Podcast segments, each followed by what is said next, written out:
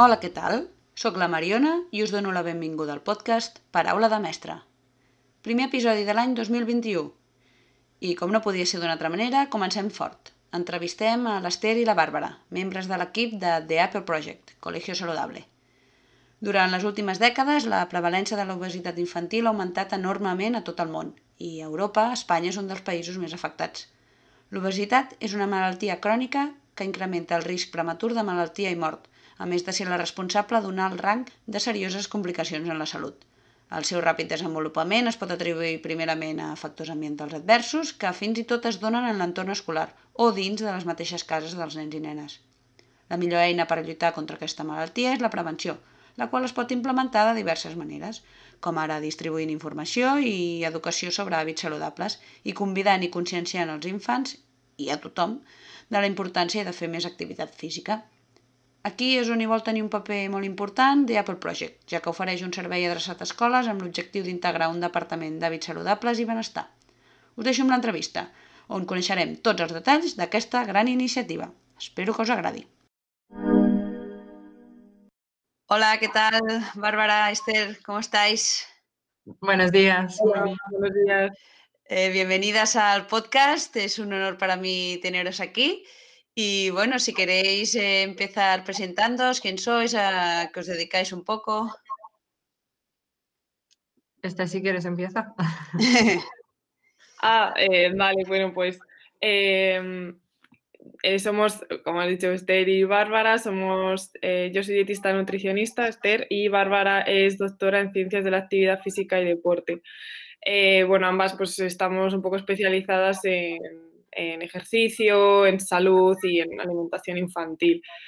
Em, tenemos junto con más compañeros un proyecto que se llama The Apple Project y, bueno, em, pues después os contaremos un poquito más sobre, sobre ello y pues nada, por- por supuesto darte las gracias por habernos invitado y por dejarnos que, pues, que hablemos un poco del, del tema que gira en, en torno a nuestra vida, que es la, la educación en hábitos saludables.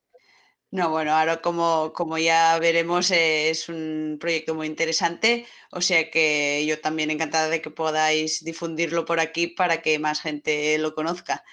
Eh, bueno, pues si queréis, eh, Bárbara mismo, ¿en qué consiste The Apple Project que ha mencionado Esther?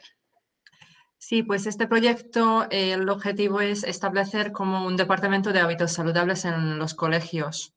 Como antes exis- o no existía tampoco un departamento de orientación y ahora ya en todos los colegios lo tienen, pues esto es como el objetivo de, mm, de nuestro proyecto, pues es, eh, tener un departamento que cuida a nuestra salud, que tiene en cuenta pues esta parte que muchas veces se nos olvida, que centramos demasiado en la parte académica cuando estamos en el colegio o incluso en casa, en, en las familias, y eh, nos olvidamos del cuerpo y mente que no- nos acompaña durante toda la vida.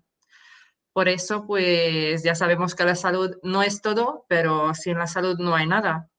Y muchas veces no lo valoramos lo suficiente. Así que, mm, pues en el proyecto lo que queremos es estar presente en los colegios y hacer cambios reales, porque existen proyectos y, y muchas cosas donde difunden información, mandan información a los colegios, pero luego eh, esto se queda por allí. A, a lo mejor lo utilizan o no lo utilizan. Pues nosotros estamos allí, somos el motor de, de estos cambios en, los colegios. Pues dentro de los hábitos saludables eh, tratamos eh, el tema de la alimentación con los principales objetivos de la salud y la prevención de patologías crónicas y también para alcanzar los requerimientos nutricionales. Pero también eh, enseñamos a los niños cómo deberían comer, cómo, qué hábitos deberían tener a nivel de la alimentación y también pues eh, estamos un poco pues formando el desarrollo del gusto, ¿no? Y cuando mm, mm, antes empecemos, mejor, siempre con los más chiquititos, cuando empezamos con estas edades, pues siempre mejor y, podemos hacer pues eh, muchísimas más cosas. Luego, pues eh, evidentemente estamos con ejercicio y actividad física, eh, pues intentando aumentar la, actividad física de los chicos, consejos para el colegio, cómo conseguirlo, hacer actividades, hacer, hacer talleres y luchar contra el sedentarismo, que ya sabemos que ahora mismo es súper común. Sí, sí. Em, también tocamos pantallas, descanso y sueño, gestión de estrés, higiene postural y corporal. Y muy importante, también estamos con el tema del medio ambiente. Así ah, que estamos con, con, muchísimos temas y intentando pues, educar en, en todas las áreas. Bueno, o sea que básicamente eh, lo que queréis es implementar algo en la escuela estructural, que, dure, que no sea una actividad pasajera.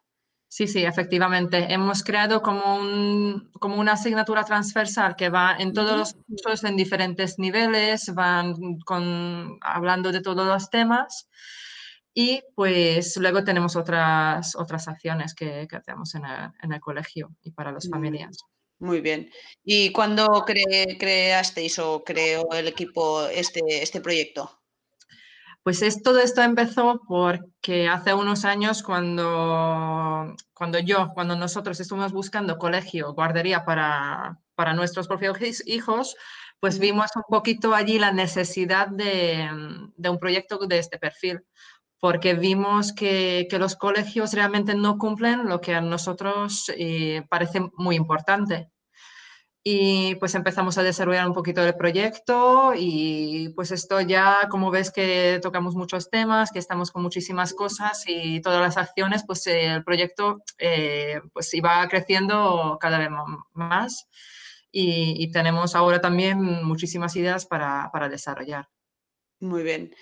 Y bueno, si Esther quieres eh, comentarlo tú, el, ¿qué, has comentado, eh, ha comentado Bárbara que es muy importante también el entorno que, tienen los niños, ¿no? ¿Qué, ¿Qué, importancia juega este entorno de niños, de los niños y los hábitos que tengan en, la obesidad infantil, en su desarrollo? Bueno, el, el entorno, el, el, ambiente en el que se mueve un niño es clave para la hora de desarrollar ya no solo la obesidad en caso del sobrepeso, sino desarrollar sus rutinas y, y sus hábitos.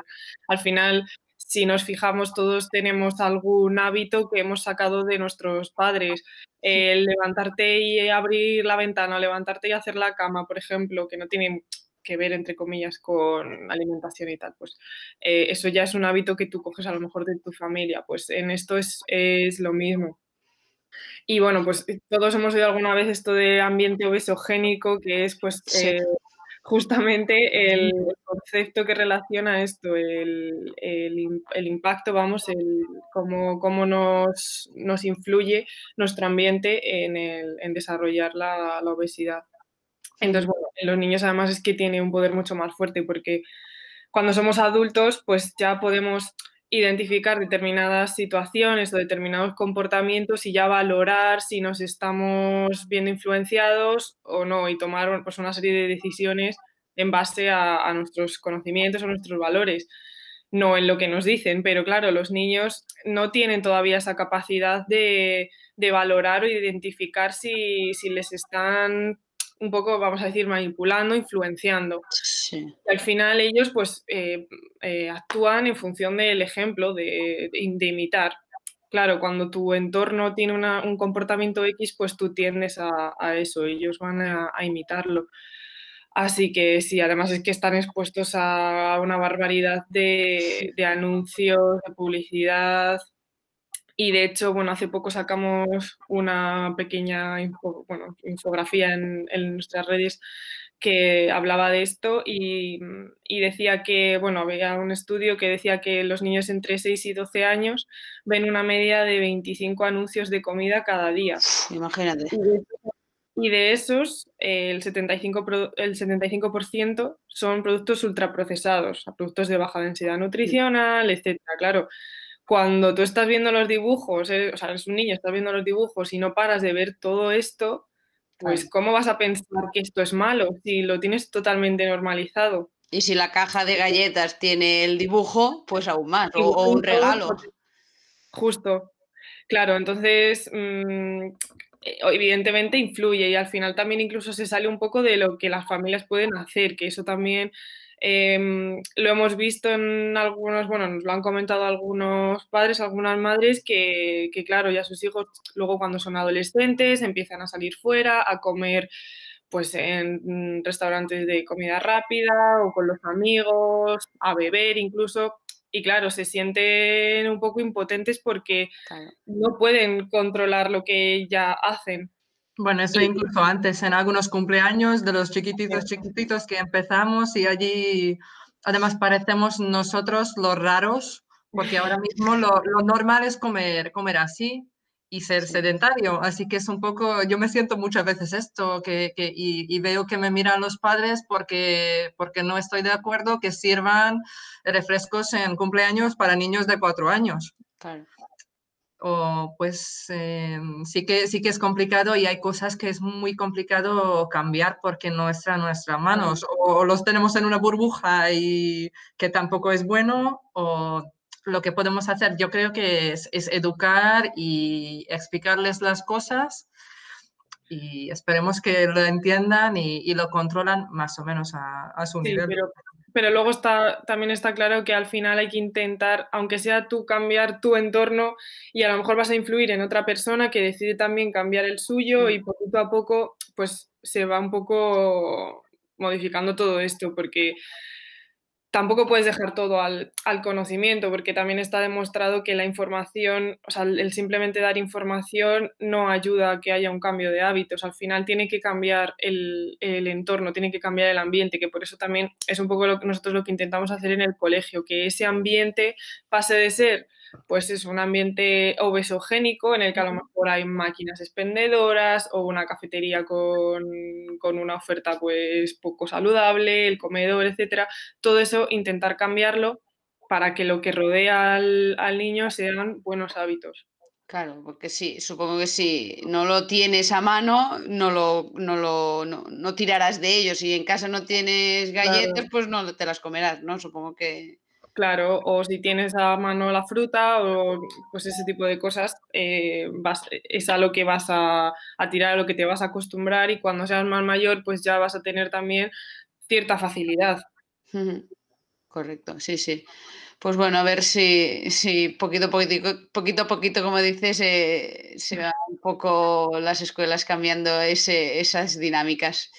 Y bueno, ¿en qué proyectos estáis actualmente? ¿Estáis en muchos colegios o estáis en alguna otra, algún otro centro?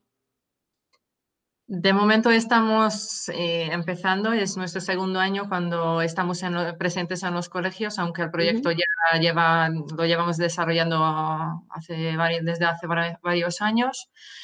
Y, y bueno, pues em, estamos... Mm, en manera presencial ahora mismo en, dos colegios grandes y eh, pues allí eh, hacemos diferentes actividades. Por ejemplo, hacemos talleres en aulas y para las familias.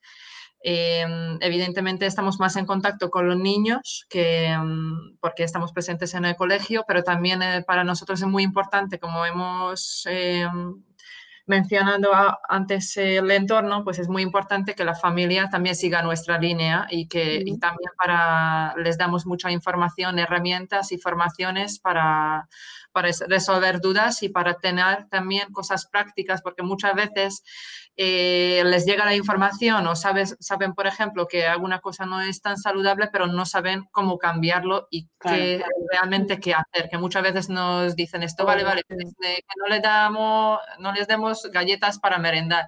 Entonces, ¿qué le doy? ¿Qué es lo que podría ser una buena opción? Así que esto muchas veces eh, nos viene. Así que estamos en contacto por varios canales con, con los padres también y con las familias. Eh, también desarrollamos materiales didácticos para los alumnos y para las familias. Eh, colaboramos con los comedores, revisamos, revisamos el menú que, que ofrecen y les damos recomendaciones para mejoras. Y también em, tenemos algunas tutorías y algunas evaluaciones con los niños que son individuales. Y, ah. y, así también estamos en contacto directamente con, con algunas familias que, que quieren que cambiar. puedan necesitar, claro, que puedan necesitar que les Eh. guiemos un poco en, en el cambio de hábitos o, bueno, simplemente que tengan dudas. O sea que la familia también puede pediros ayuda, entre comillas, ¿no? Para que Sí. les echéis una mano. Ah, Sí, sí, tenemos una consulta abierta que donde pueden escribirnos en cualquier momento y, y la verdad que esto sí que sí que vemos que, que lo usan mucha- Bastante muchas familias ya y cada vez nos conocen más y son más cercanos, la verdad.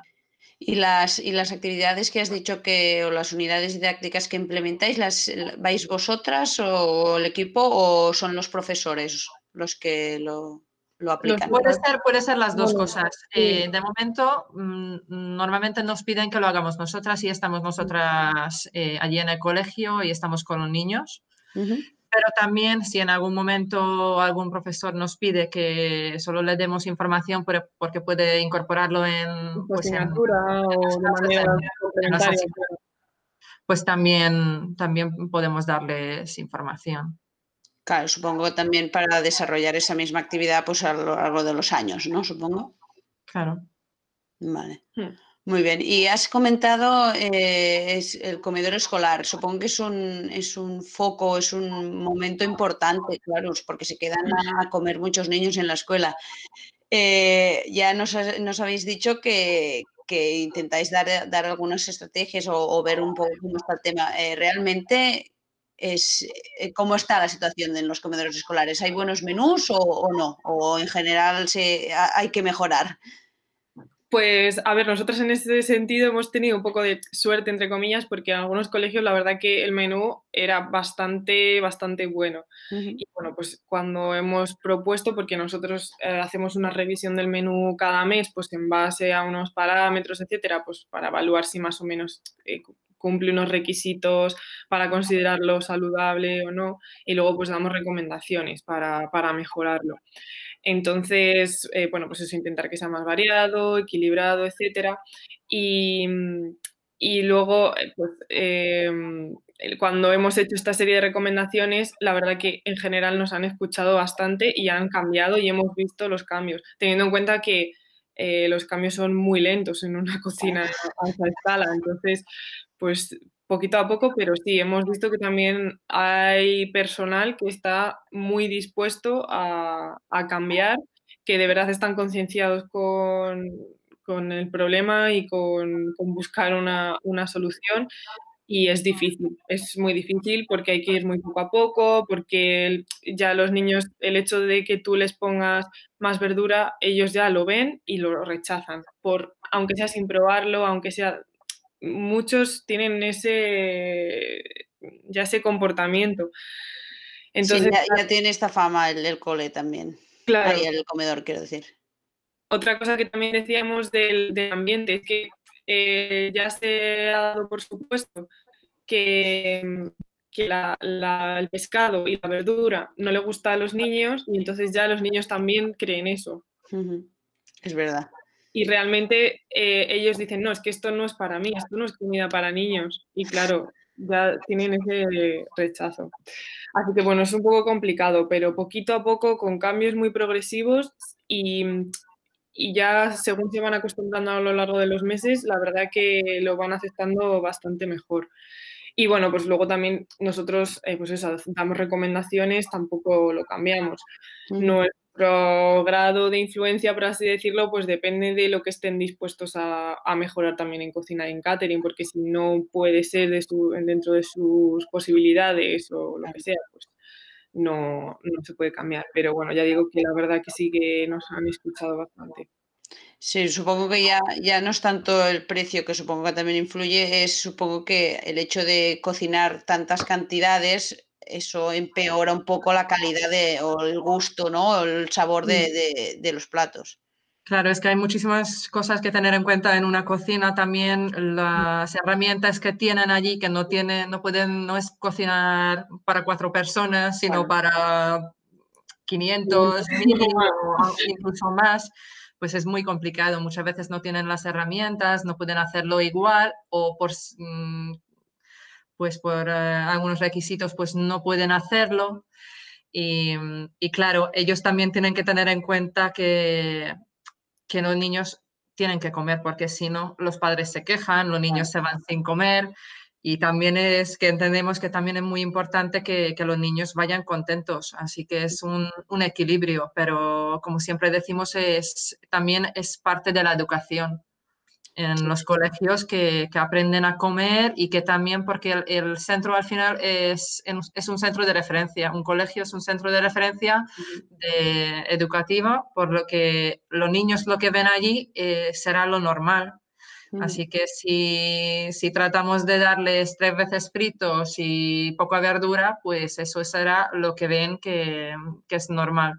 Claro, si vamos mejorando un poquito y, y, vemos y les ofrecemos algo que es más saludable y lo que deberían comer al día a día, eh, pues eso es lo que, lo que van a tener como guía. Claro, si ven fritos en el comedor, pues pedirán fritos en casa para, para cenar, claro. Claro, o si les decimos en, en los talleres o en, en, el aula, vaya, que tienen que tomar cinco piezas de fruta y de verdura al día y luego ellos no ven ni verdura y poca fruta en la bandeja, pues no tiene mucho sentido. Al final tiene que ser, eh, tiene, tenemos que cambiar lo que digo, la, tanto el que le demos teoría, conocimiento, como que ellos mismos se involucren, eh, hagan actividades y que lo vean en la vida real, que lo vean aplicado. Claro, sí, sí, muy bien. Y, ya me decías que llevas ya dos años con, eh, bueno, en, en, presencia en escuelas. Eh, ¿Ya veis algún cambio, algunos comentarios de niños, de familias que os dicen, mira, pues, ostras, de, verdad hemos cambiado, el niño me pide esto, no, no sé, cómo, ¿qué impacto estáis teniendo?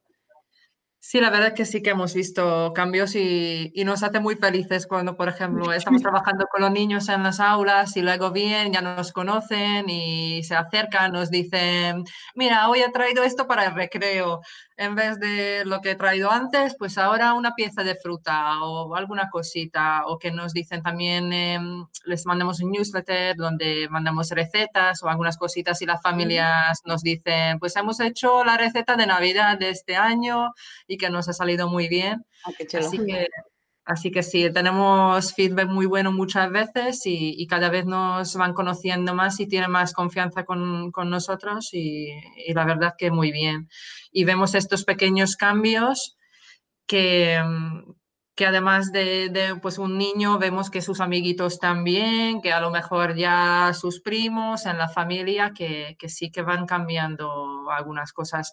Nos ha llegado también alguna, algún mensaje que después del proyecto y que estuvimos con, hablando con el niño, pues han, le han apuntado algún deporte uh -huh. y, y la verdad que solo con estos pequeños cambios ya nos merece la pena estar allí y es también un poco como un toque de atención, ¿no? Como una eh, autoevaluación de los hábitos. Entonces la familia se da cuenta y dice, jo, es que igual no, no estamos llevando el mejor camino en tema de salud, y entonces pues también se lo replantean y pues eso les apuntan a un deporte o mejoran alguna cosita, aunque sea mínima, eh, pues no sé, en vez de 10, de desayunar 10 galletas, pues desayunan 5 y una pieza de fruta, que mm. ya es un buen avance. Y, y, sí, sí, la verdad que vemos pequeños cambios, pero claro, al final esos son los que van sumando y hacen la gran diferencia. Sí, no, porque a veces eh, decimos, no, es que las familias, bueno, al final lo que quieren es lo mejor para los niños y si, y si claro. tienen, tienen los, las herramientas para mejorar la vida y, de, y, el día a día de sus hijos, lo harán, eh, porque es lo que quieren, pero claro, a veces no son conscientes, ¿no? Supongo. Sí, sí, no, muchas veces claro. el problema es esto, porque, por ejemplo, el, el, típico de las galletas que mencionamos tantas veces, eh, nos han dicho un montón de veces, pero no, que las galletas son de toda la vida, las galletas de María, y que no me lo quites, que esto no puede ser malo, porque siempre nos han dicho que son cereales y que no...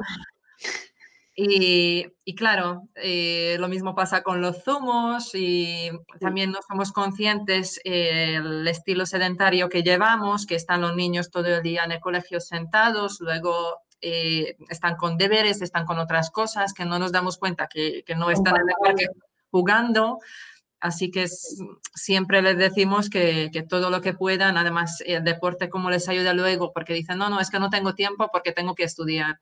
Y siempre les decimos, si vas al parque media horita a descansar, a, a correr un poquito, a hacer algo de actividad física descansas un poquito también la mente y luego entras y vas a estudiar mucho mejor, vas a quedar con mucho más información que si estás allí intentando durante tres horas sentado otra vez.